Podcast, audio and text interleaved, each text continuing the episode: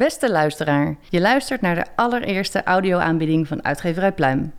Ik ben Emilie Fransen, vertegenwoordiger. Tegenover mij zit Marieke de Groot, boekverkoper bij Boekhandel Pantheon in Amsterdam. En organisator van Mariekes Boekenlab. Marieke zal de auteurs kort interviewen die de boeken hebben geschreven van deze zomeraanbieding.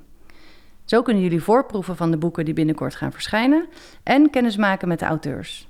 Welkom Marieke, ik geef het woord aan jou. Dankjewel Emily.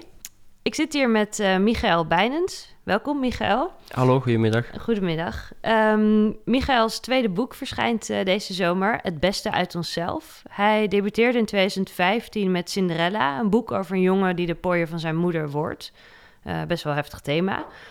naast boeken schrijft hij veel voor theater, onder andere voor Orkater. In zijn nieuwe boek, Het Beste uit Onszelf, laten zijn personages wederom hard tegen de realiteit aanlopen. Zo vat ik het in elk geval samen. Hoe zou jij het zelf samenvatten, Michael? Ik denk dat het, uh, dat het heel erg uh, een karaktergedreven roman is.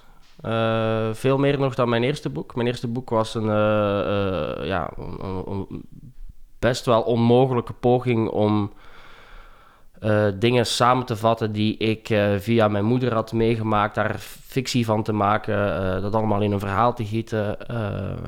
en daar zijn, in dat eerste boek zijn er heel veel dingen gebeurd die, die ja, in, qua uiterlijke omstandigheden heel erg heftig zijn. Hm. Heel veel criminaliteit, heel veel geweld. En dit boek gaat over mensen die, die niet zozeer tegen de wereld aanlopen, maar vooral tegen obstakels in zichzelf. de vader, of de hoofdpersoon, heet Louis. Het is een comedian uit New York die jaren 50 is, een mislukte carrière heeft, te veel drinkt, te veel eet en te veel op het internet zit en naar porno kijkt. En hij heeft een aantal jaar zijn dochter niet gezien. Die duikt op en blijkt suicidaal te zijn. Dus in, in, essentie is het een heel simpel verhaal. Het gaat over de, de poging van een, van, een, van een man die niet weet hoe hij in het leven moet staan. Om zijn, zijn dochter te behoeden voor, voor, voor haar eigen paniek en, en suicidaliteit. En dat is nogal dramatisch. Dat is een heftig gegeven dat, dat, uh, dat ik... Ja, dat geïnspireerd is min of meer op, uh, op een aantal gebeurtenissen uit mijn leven een aantal jaar geleden. Toen, toen, ben ik, of toen zijn ik en mijn vrienden iemand verloren in onze omgeving die, die zelfmoord pleegde. En ik was heel erg geëmotioneerd en heel erg gefascineerd door de, door de manier waarop haar uh, de, vriendenkring daaromheen, de mensen die ik allemaal kende, er alles aan hebben gedaan om dat te voorkomen. Ik wilde daar graag iets over schrijven en ik wist, ik wist al heel snel dat dat, dat, dat een, een zo lichtvoetig, luchtig verhaal mogelijk moest zijn. Um, en als ik jou zo hoor, begrijp ik dat de titel Het Beste uit onszelf ook wel ironisch opgevat zou kunnen worden. Want ehm, deze mensen zijn juist het beste uit zichzelf weer kwijtgeraakt. Ja, nou, die titel, ik, ik heb die een beetje bedacht, of dat is, dat is door mijn hoofd geschoten op het moment dat ik uh, echt een, paar maanden lang enorm gefascineerd was door. Um, nou ja, kijk, ik heb in eerste instantie heel erg geprobeerd. Oké, ik, wist, ik wist ik wil iets schrijven over een, over een suicidaal meisje die tegelijkertijd grappig is. Dat, dat, dat, dat, dat, dat moest zo zijn. De vader moest een comedian zijn. Uh, en ik wil dat, die, dat de, de, de, zijn poging om haar te redden absurd en, en, en, en, en lichtvoetig moest zijn.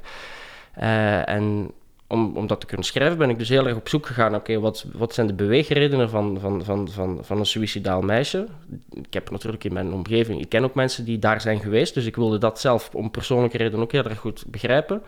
En ik kwam eigenlijk al heel snel uit op een, uh, op een gedachtespoor dat, dat mij sindsdien niet meer heeft losgelaten. En dat is dat, dat uh, de beweegredenen voor zelfmoord, depressie, angst en dat soort dingen, vandaag de dag in onze samenleving heel erg worden beschouwd als individuele problemen. Ja. Individuele psychische problematiek. En ik heb uh, nou ja, als je een boek over zelfmoord schrijft, dan moet je gewoon heel erg hard uh, nadenken over wat is depressie, wat, wat is angst enzovoort. En ik heb uh, na al dat ja, zoeken en denken ben ik tot de conclusie gekomen dat er het, uh, dat dat, dat dat meisje voor mij, of eigenlijk alle personages in het boek, niet zozeer een individueel depressief iemand is. Ik bedoel, ik heb mijn, mijn, mijn uiterste best gedaan om er een heel erg uh, excentriek uh, en, en, en, specifiek personage van te maken. Ik denk ook dat dat is gelukt, maar ze is tegelijkertijd voor mij ook een symptoom, uh, een zinnenbeeld van, van een, een, een bijna alomtegenwoordige spanning, angst, depressiviteit die door onze hele samenleving waat. Um, ik heb min of meer ontdekt uh, via een aantal denkers en, en, en, en, en psychologen waarvan ik boeken heb gelezen, die dat, dat wat wij vandaag depressie noemen, uh, iets vertelt over onze tijd. Ja. Dat, dat, dat, dat psychische problemen, uh, wanneer je ze niet louter individueel beschouwt, iets vertellen over ons allemaal. En dat het heel belangrijk is om daarnaar te luisteren. Dat de spanning die mijn personages ervaren, dat de angst om te falen, om te mislukken, uh, om niet genoeg te zijn, uh, om er niet toe te doen in deze wereld, uh, een angst is die, die veel mensen in mijn, van mijn omgeving ervaren. Ik heb, sinds ik dit boek heb geschreven, gemerkt dat om een of andere reden bijna 80% van, van mijn vrienden kampen met, met burn-out klachten, met spanningen, met somberte, met overmatig drankgedrag om dingen weg te drinken. en dat zijn natuurlijk geen. Ja, dat zijn natuurlijk niet dezelfde problemen als iemand die, die wil, wil plegen. En ik heb het in mijn boek op een soort van ja, dramatische hoogtepunt gedreven of zo. Maar ik, ik, ik, ik, ik merk gewoon dat, dat...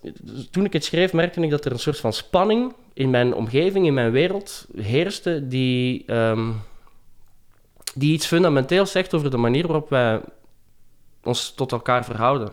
En, en daar wilde ik het met dit boek ook over hebben, los van mijn poging om een, om, om een suicidaal meisje te begrijpen uh, op een zo lichtvoetige mogelijke manier. Ja. Uh, ik heb een aanvullende vraag, want... Um ja, het boek gaat heel erg over het individu versus de maatschappij of, of in de maatschappij. En je beschrijft de stad New York als een soort uh, zombie-stad vol mensen die helemaal, nou ja, zoals je zelf ook al benoemt, opgesloten zitten in zichzelf. Um, moest dit per se New York zijn of is dit eigenlijk overal het geval? Dit is absoluut over, overal het geval. Ik, ik, ik, uh, de, hoofd, de hoofdpersonage Louis is een comedian uh, die heel klein beetje geïnspireerd is op Louis C.K. Misschien, als je wil. Mm. Uh, en omdat er is een comedy scene in New York, er is een groot metronet. Een heel deel van het boek speelt zich af in de metro. In het ondergrondse. En tegelijkertijd is New York een soort van epitoom van het kapitalisme, ja, van, van, van ja. de wereld vandaag. Maar ik, ik, ik denk absoluut dat, dat, dat de wereld die ik beschrijf in mijn boek uh, Amsterdam is, Londen, Parijs, uh, Buenos Aires. Ik denk dat, dat, al die, dat de, de, grote steden vandaag zodanig op elkaar zijn aan, gaan lijken. En dat, dat, ja, dat deze personages hadden even goed in Santiago in Chile kunnen rondlopen. Absoluut. Oké, okay. okay, dankjewel. Duidelijk. Het klinkt als een heel interessant en belangrijke roman. En uh, spannende combinatie met toch het lichtvoetige erin. Dus dankjewel, Michael. Graag gedaan. Bedankt voor het luisteren. Ik hoop dat jullie zin hebben om die boeken te gaan lezen. En dat jullie de boeken in grote stapels in de winkels leggen. Eh, met vragen over deze aanbieding kun je altijd terecht bij mij via emiliefransen.uitgeverijpluim.nl of bij onze vertegenwoordiger in België, Barbara Gene, bgene.uitgeverijpluim.nl. Tot een najaarsaanbieding!